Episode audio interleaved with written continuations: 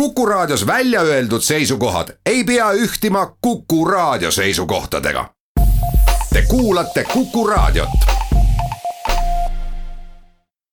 hea meel on stuudios tervitada Eesti Olümpiakomitee presidenti ja ettevõtjat Urmas Sõõrumaad, tervist. tere päevast ütlemata hea meel teie tegususe ja väga tiheda päevakava juures, et te selle tunni leidsite Kukus olla ja võib-olla siis ka teise pooltunni Kuku kuulajate küsimustele vastata. räägime peaasjalikult täna spordist, räägime ka erinevatest valikutest, mis eile õhtul said tehtud ja mis ka palju tagasisidet said. eilsed aasta sportlase valimised, kas andsid teie hinnangul õiglase, objektiivse ja hea tulemuse? Ma arvan küll, kõigepealt minu iseloomust lähtuvalt, et eh, need valikud on tehtud, need on läinud ja neid kritiseerima hakata oma, oma valikuid on täiesti mõttetu. ja minu meelest said eh, asjalikud, potentsiaalikad, eh, head eeskujud spordirahvale. Need inimesed said oma Kristjanid ja, ja, ja suure panuse selleks andis rahvas ise, nii et kes pidi saama, nii et sellega saab ainult nõus olla.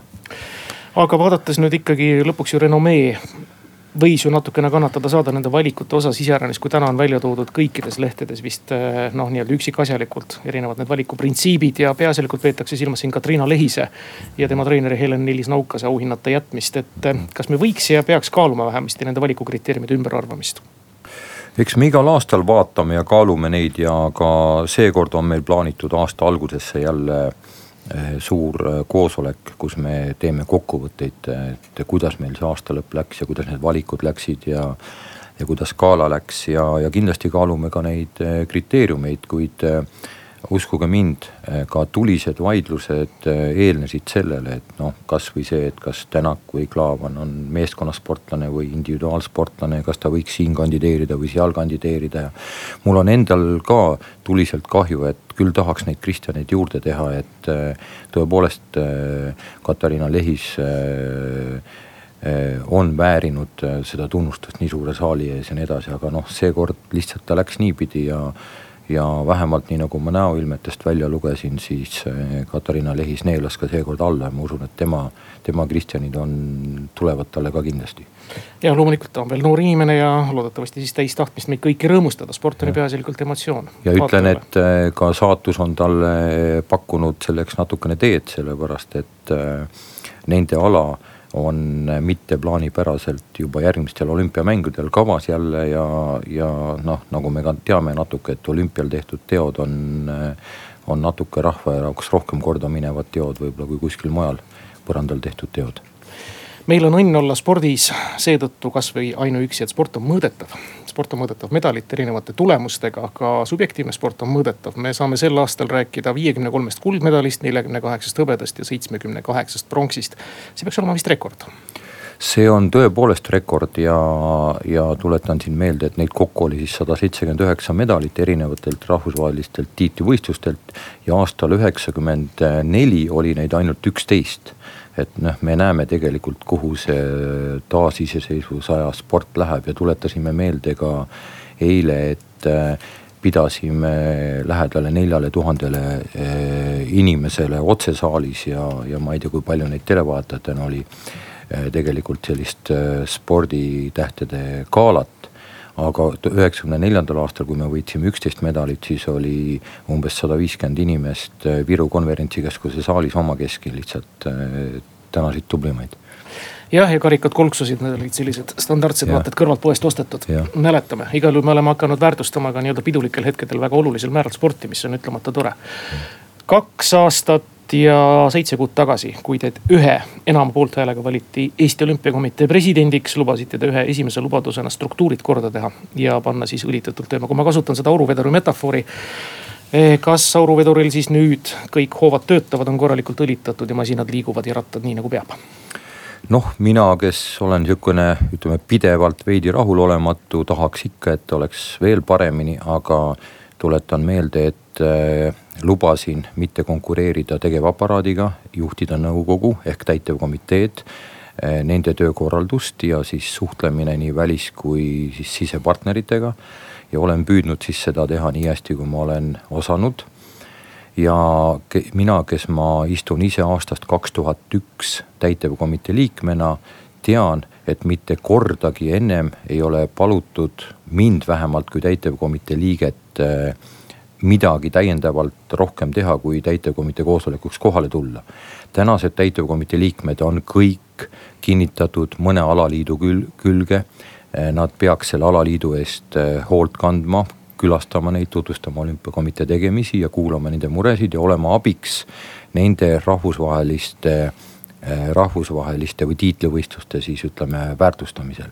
Ja samamoodi kõik täitevkomitee liikmed osalevad mõne loodud komisjoni töös, nii et äh, jah mõned on aktiivsemad, mõned vähem aktiivsemad, aga, aga kõik on tubli ja ma ütlen, et mitte kunagi ennem ajaloos pole sellist asja olnud ja toona, kui täitevkomitee sai valitud, eks paljud ju kergitasid kulme siin näiteks Kristjan Järvi peale. siin on veelgi teisi huvitavaid isiksusi, kelle puhul arvaks, et neil on palju muid asju teha, näiteks Eesti kaitseväge juhtida, Riho Terras. meil on siin Urmas Paet, Euroopa Parlamendi liige. Nad kõik on oma funktsiooni rakenduse leidnud ja on teie hinnangul oma tööd hästi teinud küll jah, ja täiesti omaette märkimist vääriks Riho Terrase aktiivsus, sest tema juhtis meil taristukomisjoni või juhib ja, ja oma pingelise töö kõrvalt oli ta, oli ta aktiivne alati asjaliku sõnaga või on aktiivne alati asjaliku sõnaga ja nii edasi.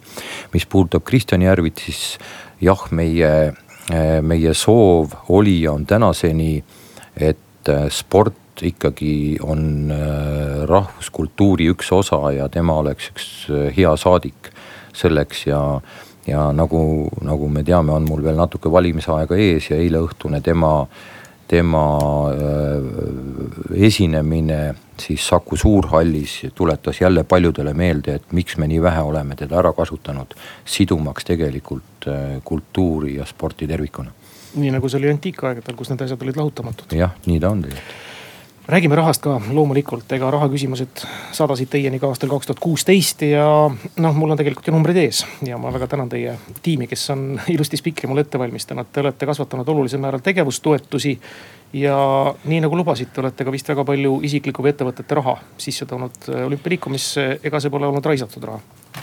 kindlasti iga sporti pandud raha on äh, ju eelkõige äh, ennetustöö tervise jaoks ja, ja nii nagu mingitest äh, kohtadest on olnud lugeda, et ennetustööks pandud üks eur võrdub kaheksa euriga nagu tagantjärgi siis ravimist või vigade kõrvaldamist, nii et nii et mina, minu ettevõtted, minu üks ettevõte on et-, USS on olümpiakomitee peasponsor, nii et ma julgen siin öelda, et see sada tuhat, mis olümpiakomiteesse läheb, peaks tegelikult võrduma kaheksasaja tuhandega rahva tervise jaoks mida ise kõige olulisemaks peate, kas on see nüüd noortesporti, on see liikumissporti ehk siis harrastussporti suunatud raha või näiteks mhm. treenerite toetamist, kes on meil olnud traditsiooniliselt justkui nagu vaeslapse osas, nüüd viimastel aegadel pole seda sõnumit kuulnud? sport on tervikuna üks äh, suur mosaiik, mis siis algab esimestest harjutajatest, äh, lõpeb tippspordiga, ma olen tihtipeale äh, kõrvutanud tippsporti nagu autoralli näitega, et ühel hetkel vaatame kõik telekast autorallit, kuulame, et kuidas kulutatakse neid miljoneid sõidavad seal mitmemiljonilise auto sodiks ühe korraga, kohe on jälle uus istumise all ja nii edasi, mõtleme, et milleks see kõik, kellel see vaja on. aga ühel hetkel, mõningate aastate pärast on see seal katsetatud tehnoloogia meie kõigi istumise all. nii et ma ütlen, meie tippsporti panustatud raha on ühel hetkel kogu meie rahva terviseteenistuses, ehk see on kõigile, need spordieeskujud on meile kõigile Eh, meid kõiki motiveerivad, nende jaoks ehitatud rajatised on kõigile kasutatavad, sealpool saad, sealtpoolt saadud kogemused on meile endale varsti loomulikud ja nii edasi. et eh, selles mõttes sport on üks tervik, nii, nii lapsed koolis kui tippsportlased eh, tipus maailma areenil hoitaks neid rajatisi vaid lahti, ma siin õhkusega või ohkamisega ütlen näiteks kooli erinevate staadionide kohta, mis paraku on väga rangelt suletud koolivälistel aegadel, aga võib-olla see olukord paraneb. jah, paraneb kindlasti, sest äh, olümpiakomitee sellised prioriteedid sai ka läbi käidud selle aasta spordikongressil, mis siis algas sellest, kuidas kohalikud omavalitsused toetavad siis koolis käivate laste sportimisvõimalusi. järgmine plokk oli sport koolis, et sport koolis peaks olema nii nagu vabatahtlik keeleõpi, et õpe, et ma saan valida ühe ala, aga siis ma, kui ma selle valin, siis ma ka teen kohustuslikus korras atesteeritud treeneri juhendamisel. ja lõpupunkt oli siis Team Estonia, mis oli siis suunatud sellele, et äh, meie tippsportlased saaks äh, konkurentsivõimeliselt harjutada maailma tippudega ja, ja kõik, kõik see noortele ja ja sport koolis on eelkõige suunatud siis sellele, et kooli ajal hakata kasutama efektiivselt neid spordirajatisi, rääkimata peale kooli hästi lühidalt, kui tohib öelda, see Team Estonia kontseptsioon, selle kohta tahtsin ka veel eraldi küsida. mis sellest nüüd lõpuks moodustub, kas sellest moodustub siis see, et äh, käivad kõik helesinistes ja trikoloriga kaunistatud vormides ringi mööda maailma staadione ja näitavad meie riigi ilu ja lipu võlu? noh, eks see turundusmoment on seal ka kindlasti juures, sest lõppeesmärk on ikkagi see, et oma riigile, oma lipu all au ja kuulsust tuua. aga, aga tegelikult äh, on see, et äh, kui võtame kogu spordipüramiidi, meil on umbes kakssada tuhat noort inimest, kes siis tegelikult spordiga tegelevad. noh, eelkõige oma tervise jaoks, siis on umbes kaks tuhat inimest või kakskümmend tuhat inimest, kes siis julgeks öelda, et nad pürgivad kuhugi tipu poole ehk osalevad Eesti meistrivõistlustel erinevatel spordialadel. ja siis ütleme, Team Estonia siis prooviks sealt välja valida umbes kakssada, kellel oleks potentsiaali siis maailma tasemel läbi lüüa. ja seal on nüüd kaks poolt, üks on see, kes on juba potentsiaalsed medalikandidaadid äh, nüüd tiitlivõistlustel ja olümpiamängudel. ja siis teine osa on see, kellel on selline nõndanimetatud murdeiga, võib-olla kelle anne ei ole avanenud või, või keda siis proovime veel kord märgata, et ta ei läheks kaotsi, et teadupärast spordis ju tulemused tihtipeale tulevad kümne-viieteist aasta pärast, aga kui sa oled just kaheksa aastat kõvasti vaeva näinud ja siis on, siis on see otsustav koht, et teha järgmine samm, aga sinu kõrval ei ole rahakat sugulast või fanaatilist vanemat ja siis see kõik äh, kukub kokku, et siis on natukene asjatu, asjatult kulutatud, et, et Team Estonia peaks hakkama äh, seda, seda märkama ja lisaks sellele siis selle sinisele vormile Eesti kirjaga loomulikult on ikkagi eelkõige spordi resultaadiks vajalikud teenused, see on treeneriteenused, kõik teaduslikud lähenemised, võimalikud psühholoogid, massöörid, eh, treenimisvõimalused eh, omasuguste keskel, sest et teadupoolest ega Eiki Nabil kodus maadelda ei, ütleme no,. ei ole tema kaalu mehi. ei ole tema kaalu mehi, parem juba sinna tema, teda sõidutada, kust, kus tal on nagu paremad tingimused. raadio Kuku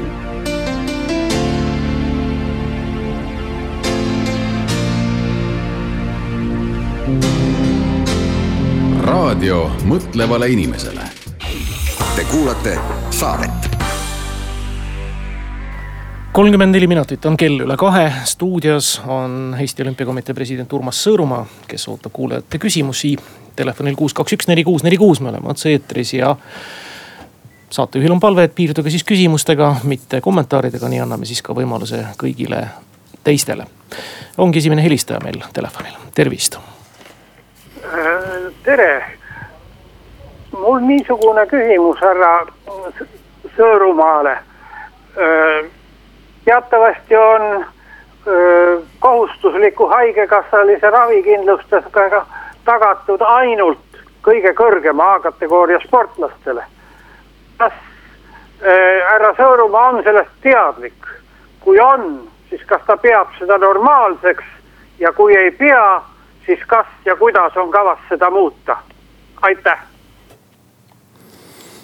Jah, põhimõtteliselt küll, aga see on üks küsimus, mida me ka Team Estonia käivitumise raames siis äh, püüame lahendada ja rakendada, et sportlane saaks pühenduda ikkagi täiel määral ainult oma töö tegemisele, et tal oleks siis igapäevane elu kindlustatud ja natuke ka äh, tulevik saab kindlustatud, on see siis topeltkarjääri võimalusega või siis äh, korraliku manageerimisega tema tegemiste hulgas, et kui ta karjääri ükskord lõpetab, et ta ei pea hakkama vaatama võib-olla kohta, kus, kuidas hakkama saada või, või kus oma elujärge edasi elada Telefon kuus, kaks, üks, neli, kuus, neli, kuus, stuudios on Urmas Sõõrumaa, Eesti Olümpiakomitee president ja ettevõtja.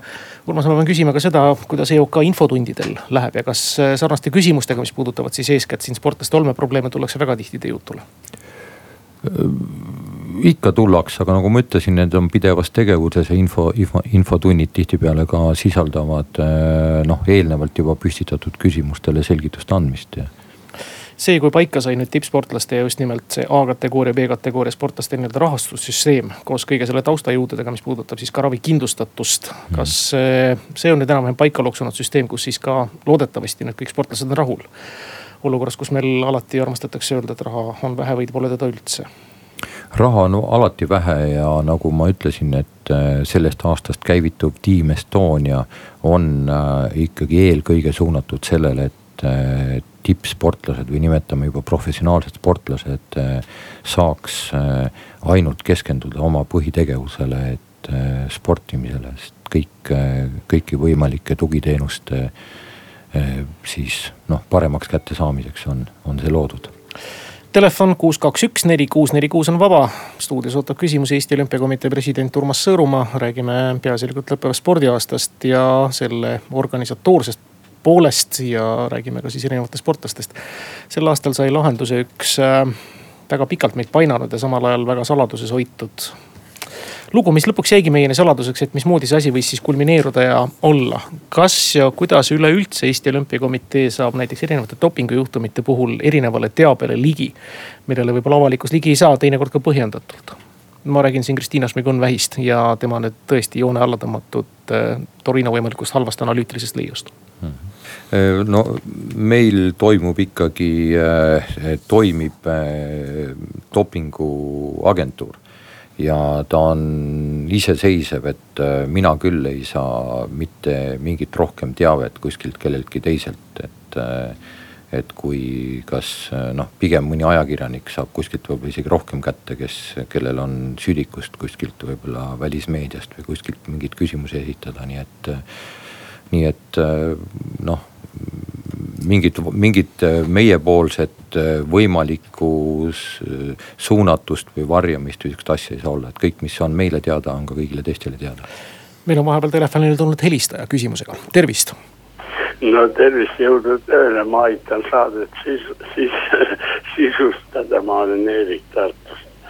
nii, äh, tippsport spordiks, aga kas olümpiakomitee üheks eesmärgiks ei peaks olema ka üldise kehakultuuri arendamine, ma mõtlen siin, et kriteeriumiks peaks olema rahva äh, terve, no ütleme terve tervislik üldse eluiga.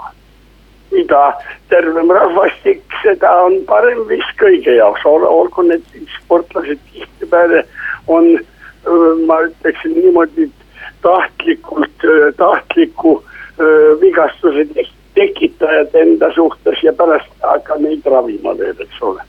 nii et eh, kui ta ennast ikka ja kui haige sportlane näiteks või vigastatud ja siis pärast teda kiidetakse, vaata kui tubli, vaata kui tubli, no see on tahtlik enesevigastus.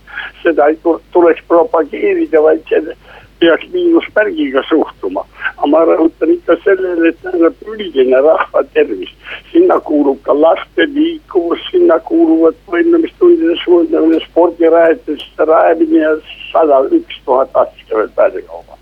aitüma see on, see on väga hea küsimus, aga tuletan meelde, kui mind valiti olümpiakomitee presidendiks, siis minu üks lubadus oli see, et et aktiivselt spordiga tegelevate inimeste arv peaks äh, peaks kolmekordistuma. ehk, eh, ehk kogu rahva tervis on olümpiakomiteele, kes on kogu spordi katusorganisatsioon, väga tähtis ja antud juhul see kogu see eh, temaatika, mis oli spordikongressil, oli suuresti suunatud ju eh, just rahva tervisele ja üldisele sportimisele ja sportimisele kooli, koolieas. ja tänasel puhul äh, nii olümpiakomitee seisukoht kui minu isiklik aktiivsus ja palve kõigile autoriteetsetele spordiinimestele, et äh, proovime meie eelseisvate valimiste eel kõigile oma lemmikutele ikkagi veel kord ja veel kord üle rääkida, et rahva vaimne ja füüsiline tervis oleks riiklik prioriteet.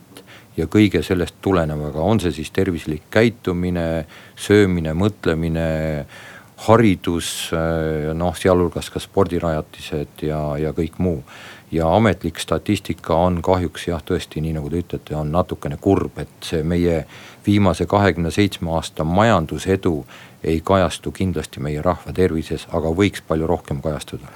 kuus, kaks, üks, neli, kuus, neli, kuus on telefon stuudios ja see on taas helisenud, tervist. tere, selline küsimus. Mm, kas olümpiakomitee plaanib võtta mingit seisukohta Äh, selles küsimuses, mis ajavööndisse Eesti peaks jääma. kuna siin vaikselt nagu hiilivalt vist üritatakse, et jääda sellesse mm,, mis meil seal on see geograafiline või kuidas seda ajavööndit nimetatakse? hea hea küsimus, et eks me arutame selle ka omas keskis läbi, et mis ta nagu siis spordile ja sportimisele annab, noh. minu, minu isiklik seisukoht on äh, küll natukene nii, et, äh, et elame looduse rütmide järgi, et nii nagu päike tõuseb ja nii ta langeb ja, või laskub, et selle järgi, aga. aga noh, see ei ole olümpiakomitee seisukoht ja kas ta peakski olema, et see on nagu ühiskonna seisukoht tervikuna, nii et muide, kas Eesti Olümpiakomitee võiks üha rohkem haarata ka nii-öelda seda initsiatiivi, et rääkida ka ühiskonna asjades kaasa, nagu näiteks Eesti Evangeelne Luteri Kirik on seda nüüd samm-sammult püüdnud üha rohkem teha ja nii-öelda sõna sekka öelda, istuda ka pika laua taga, nagu Urmas Viilma on väljendanud nimega, nimega on ju miks mitte, nagu ma ütlesin, sport on ühiskonna väga suur osa. loodetavasti on üsna varsti vähemalt kolmandik eestlastest ehk neid on siis juba kolm-nelisada tuhat aktiivselt tegelema spordiga ja miks mitte oma sõna sekka öelda, eelkõige nendes küsimustes, mis puudutab siis äh, äh, tervislikku elamist, tervelt elatud aastaid ja nii edasi. ja üks, kuhu me saame ikkagi vundamenti luua, on ju haridussüsteem ja, ja, ja sport koolis projekt on meil puhtalt ju te tegelikult sekkumine haridussüsteemi, et kui sul tervist ei ole, ütlen, ütlen vähemalt mina ja meie, et et ei ole su keeleoskusel ja matemaatikaoskusel mitte mingit tähtsust, kui sul tervis läbi on. et hea tervisega saame kõike muud ka nautida, sealhulgas teisi hobisid. täpselt, me kuulame järgmist helistajat, tere. tere, teatavasti Eesti sai üle viiekümne kuldmedali. aga Kristjanite saajate hulgas oli ainuke, kes oli noorteklassis kuldmedali saanud Sildaru kas ei peaks panema sinna sisse nõude, et saab äh, Kristjan ainult see, kes on saavutanud kuldmedali? aitäh noh, tuletan veel kord meelde, et me valime aasta lõpus ikkagi aasta sportlast, mitte mitte, mitte parimat sportlast, aga aastasportlast ja see on eelkõige, kes läheb korda siis kogu spordi üht-, ühtsusele, sealhulgas alaliidud, spordiajakirjanikud ja, ja eelkõige rahvas. ja parimad sportlased eh, valib ikkagi eelkõige alaliit Äh, omal alal ja ka rahvusvahelisel tasemel ja nii edasi. aga loomulikult, eks me igal aastal käsitleme ja vaatame neid ja, suur tahtmine on ju jagada neid natukene, natukene rohkem ja tundub, et keegi jääb teenimatult ilma aga, aga nii nagu me seekord Saku, Saku Hallis seda tähistasime, et me saime lihtsalt rohkem rahvast kohale kutsuda, rohkema rahvaga rääkida, et et võib-olla me leiame ka tunnustusvahendi ka teistele kuldmedali võitjatele võib-olla sama päeva raames järgmistel aastatel. stuudios on Eesti Olümpiakomitee president Urmas Sõõrumaa. me oleme palju rääkinud rahva tervisest ja sellele panustamisest, kui palju see nüüd eh, tegelikult tagasi võiks tuua meile siis eh, elatud aastaid, päevi ja rõõmsamat tervist ja rohkem lapsi, miks mitte kuulge, aga spordirajatistest rääkides üks väga kitsas king on see ja häbilugu, et meil on Eestis üks viiekümne meetrine ujula ja eks tervikuna ujumiskohtadest on väga karjuv puudus ja ma ei tea, mis toimub siis sellise ikoonilise meie jaoks Kalevi suurujulaga. kaua seal läheb ja kas Eesti Olümpiakomitee saaks kuidagi takka aidata?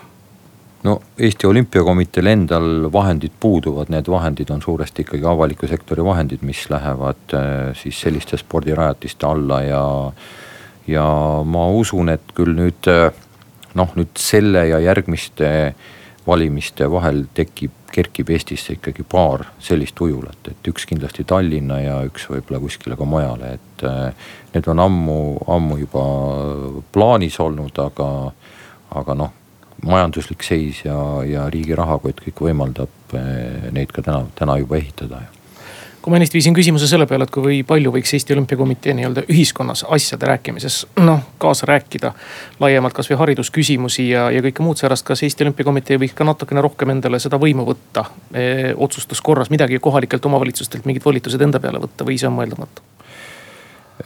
noh, ega me päris enda peale nüüd rohkem midagi võtta, kui meile antud on, meil on praktiliselt kogu riigi spordi tegevuse kureerimine nii tippspordist äh, kui kuni siis liikumisharrastuse tasemeni välja on suuresti meie koordineerida, nii et juhin tähelepanu, et me oleme ju tegelikult vabatahtlikkuse korras mittetulundusühing, et äh, et väga palju rohkemat praegult enda peale võtta ei julgeks, aga alati on ju töö tulemuslikum ja parem, kui kui kohtade peal aktiivsed ja teadjad inimesed ikkagi ise oma asja ära teevad ja meil on suhtlemine hea kohalike omavalitsustega ja eks me püüame nii omal, omal viisil natuke mõjutada ja, ja motiveerida ja nii edasi. meil peaks olema helistaja telefonil, tervist. Nonii, jõudis ära minna, aga olete teretulnud tagasi helistama number kuus, kaks, üks, neli, kuus, neli, kuus stuudios.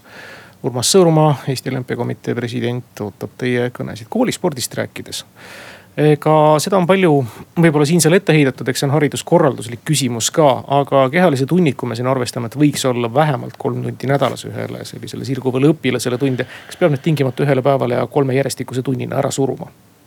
Need äh, nii nagu Maailma Terviseorganisatsioon on, äh, on arvanud, nii on ka meie arvamus, et äh, üks koolis käiv laps peaks sportima vähemalt seitse tundi nädalas aktiivselt seitse tundi nädalas meie mudeli järgi, mida meie nüüd ühiskonnale välja pakkumas oleme, on see siis niimoodi, et kolm korralikku treeningut nädalas kooli, koolipäeva raames valitud alal.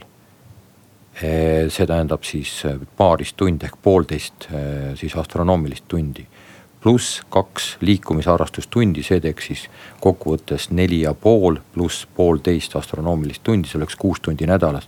see oleks absoluutne miinimum, mida tegelikult meie koolis käiv laps peaks eh, sporti, spordi heaks tegema. ja et see ei toimiks nii, nagu ta on vanasti toiminud, see peaks toimuma efektiivselt ja professionaalselt. ja ma toon siin lihtsalt näite, et eh, mind isiklikult eh, ajab täiesti muigama ja naerma, kuidas riik ägiseb juba viimased kakskümmend aastat, et lapsed õpivad, eesti lapsed õpivad näiteks vene keelt koolis kümme aastat ja, ja suur osa neist ei oska pärast tere ega, ega elementaarsetki öelda ja vene lapsed õpivad eesti keelt ka lähedale kümme aastat ja pärast ei oska peaaegu et mitte midagi. siis lihtsalt me peaks selle mõttetu aja raiskamise ära lõpetama ja pärast parem mõtlema, kuidas seda õppida nii, et see ka selgeks saab. täpselt sama on spordi tegemisega, teha seda nii, et see meil ka tegelikult tervisenäitajatena kajastub. ja nüüd äkki oleme helistaja saanud ka kätte lõpuks liinilt, tervist. tervist, mul oleks üks nihuke isiklik küsimus äh, härra Sõõrumaale.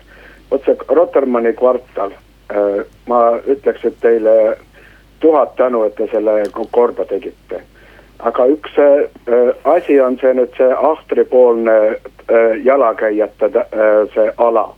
sinna on nüüd tekkinud see autoparkla, et sealt on võimatu on sealt noh kõndida, isegi lapsevankriga sa pead mööda seina ronima, kuna autod sõidavad edasi-tagasi ja see on lihtsalt võimatu. ja mida, ja, ja mida te teete ahtrit, ahtri kolme selle pommiauguga?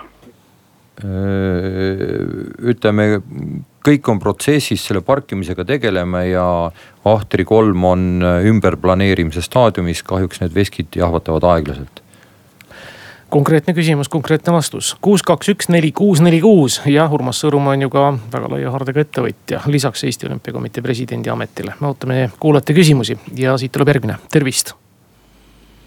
tervist et olümpiakomitee tegeleb ju niisuguse nagu tippspordi arendamisega ja noh, sihukese asjaga on ju. kogu spordiga, kogu spordiga. no kogu spordiga küll, aga, aga tippsport on see ju, mis nagu toodab pärast seda tagantjärgi nagu või. me oleme hästi tublid, me võidame on... sadu medaleid, aga võtame näiteks Sloveenia. et kus seal on ju, mis on Sloveenia jalgpallikoondis, korvpallikoondis, mida iganes, kuida neil jätkub inimesi kõigi jaoks, tippe. Mida, mida nemad teevad teistmoodi kui meie? no neil on äh, hästi töötav süsteem, mis võimaldab kooli, koolieas äh, sihukesest massilisega, massiliselt spordiga tegelemist ja sinnapoole oleme ka meie liikumas, nii et äh, meie tänane kehalise kasvatuse tund on äh, muutumas selliseks liikumisõpetuseks, millega siis Tartu Ülikooli eestvedamisel ka tegeletakse juba üsna mitu aastat, et ta muutuks efektiivseks. Ja et tal oleks ka tulemus ja siis olümpiakomitee poolt välja pakutud äh, sport valikainena kooliprogrammis äh, see veel sinna juurde pan-, panna, nii et ma, ma usun, et, äh, et see saab ka Eestis oluliselt paremini toimima, kui ta, kui ta täna on kuus, kaks, üks, neli, kuus, neli, kuus. kas igapäevaselt mõtlete teie ja ka needsamad Tartu Ülikooli teadlased selle peale, et sport näiteks koolilapse eas ikkagi konkureerib ka paljude teiste muude oluliste ahvatlustega? Ma nimetan äh, sporti osaks elust äh, ja tervelt elatud aastatest. paljud muud asjad on ikkagi hobid, mis me, mida me saame ainult siis nautida, kui meil on tervis korras. noh, kümne-üheteist aastast praegu selle jutuga ära ei räägi, küll aga kuuekümnest, me kuulame vahepeal helistajat, tervist. Äh, tervist, et mul on jäänud viimasel ajal mulje, noh lugedes erinevate võib-olla kehalise kasvatuse õpetajate arvamused et viimasel ajal on näiteks kehalise kasvatuse tundide osas noh, kuidagi lähtutud sellisest süsteemist, et noh, et, et üldse mingid tulemused ja asjad ei ole nagu tähtsad, et normatiive nagu üldse ei olema, et, et tähtis, et nagu laps, laps, kui noh, et piisab sellest, kui ta natukenegi liigutab, no piltlikult öeldes, et kui joosta ei jõua, siis las ta natuke kõnnib vähemalt, et kas selles osas nagu see asi ei ole teie hinnangul nagu, nagu teise äärmusesse läinud, et noh, ma mäletan ise oma kooli ajast üle kitsehüpped ja need asjad olid küll ka väga nüridad, millest seal hindeid andis, aga noh, et tänapäeval vist on jäänud mulje, et tundub nii, et noh, kui ei viitsi teha ja aga vähemalt tund ilmuda ja seal noh, natukene sugada ennast ja võib-olla jalutada, et noh, siis põhimõtteliselt saab hinde kätte ja kõik on korras, et et juba seda, et tundide arvu tuleb suurendada, sa mainisid, aga et nagu just selle sisulise töö osas, et kas ikkagi ei peaks natukene võib-olla õpetama seda, et tuleb vähe pingutada ja natukene võib-olla vaeva näha, et, et täna hüppad, ütleme seal kaugust neli meetrit, aga et võiks olla mingi motivaator või selline pitsaprääniku süsteem, et, et äkki siis homme, homme hüppad seal ütleme neli kolmkümmend ja nii edasi, mis sa sellest arvad? Jah, et neid kõiki neid variante võib lõputult arutada, ma tõin just, just nagu eesti ja vene keele õppe nagu siis äh, koolis, kus äh, kus on mitukümmend aastat arutletud, et äh, õpid, õpid, aga ei oska ja midagi ei teha, tehta ka selleks, et see oleks nagu tulemuslik. ja meie poolt välja pakutud sport koolis valikainena atesteeritud treeneri juhendamisel peaks seal tege-, tekitama ikkagi olulise nihke nagu kvaliteedi suunas, kus õpilane saab ise valida endale ehk kümnest konnast spordialast ühe. ja kui ta tõesti midagi muud teha ei saa ja kui ta käib juhendatud äh, treeneri juhendamisel ja, ja jalutab või teeb kepikõndi näiteks, et ja ka teeb seda tulemuslikult, noh siis see on ka, see on ka eesmärk me kahjuks enam ei jõua ühtegi kõnet vastu võtta, küll aga tahaks veel lõpetada selle enne kõnet pooleli jäänud küsimuse selle koha pealt, et kuidas muuta sport selliseks iseenesestmõistetavaks sellisele kümne-üheteistaastasele, kelle poole võiksid olla pilgud suunatud ja kes võtaksid selle elu loomuliku osana ja võtaksid selle endale nii-öelda hobide kõrvale vaadake, inimesele on ju ikka nii, et ta on ühe sotsiaalse kogukonna liige. et kui kogu, kogukonna juhtide poolt öeldakse, et, et et ja korduvalt, et see peaks, peaks olema loomulik tegevus. ja, ja, ja kui ta, kui mis inimesel on harjumuseks äh, muutunud, siis sellele eelnevad reeglina kord, kordade arvud. Öeldakse, et tee kakskümmend üks korda järjest ühte asja ja siis sa muutud sellest juba sõltuvaks. ehk kõike seda saab teha koolis. nii et äh, mina arvan, et riigi kohustus kes paneb meile kohustusliku hariduse ja paneb meile nii, nii mõne muugi kohustusliku asja, saab öelda, et terved eluviisid ja, ja sportlikud eluviisid saab kohustuslikus korras koolieas endale omandada. ja pärast tegeleda siis nendega, kes siis juba ise eh, niimoodi üldtunnustatud ja iseenda reegleid rikuvad. sest need jäävad ju alati, et sa võid ju küll teha sporti, ka tippsporti ja ennast järgmise viie aastaga näiteks ütleme praktiliselt haiglasse juua ja siis, siis tuleb riik sind näiteks peab üleval pidama, et nendega jääb riik niikuinii tegema. aga sihukest suurt keskmist me saame ikkagi nagu riigi, riigi suhtumisega tõsta ja seda haridussüsteemis väga tänan teid, Urmas Sõõrumaa tulemast ja seda tundi leidmast Kuku raadio kuulajate ja saatejuhi jaoks ja kuulajate jaoks siis eeskätt äh,. aitäh teile, ilusat aasta lõppu teile, Eesti Olümpiakomiteele ja kogu spordirahvale. aitäh ja kõigile raadiokuulajatele ka ilusat aasta lõppu ja ärge siis söögiga väga liiga tehke ja, ja isegi kui natuke patustate, siis minge kindlasti ja jalutage, et öeldakse, et peale igat söögikorda viisteist minutit äh, jalutamist pikendab vähemalt kümme aastat teie tervelt elatud aastaid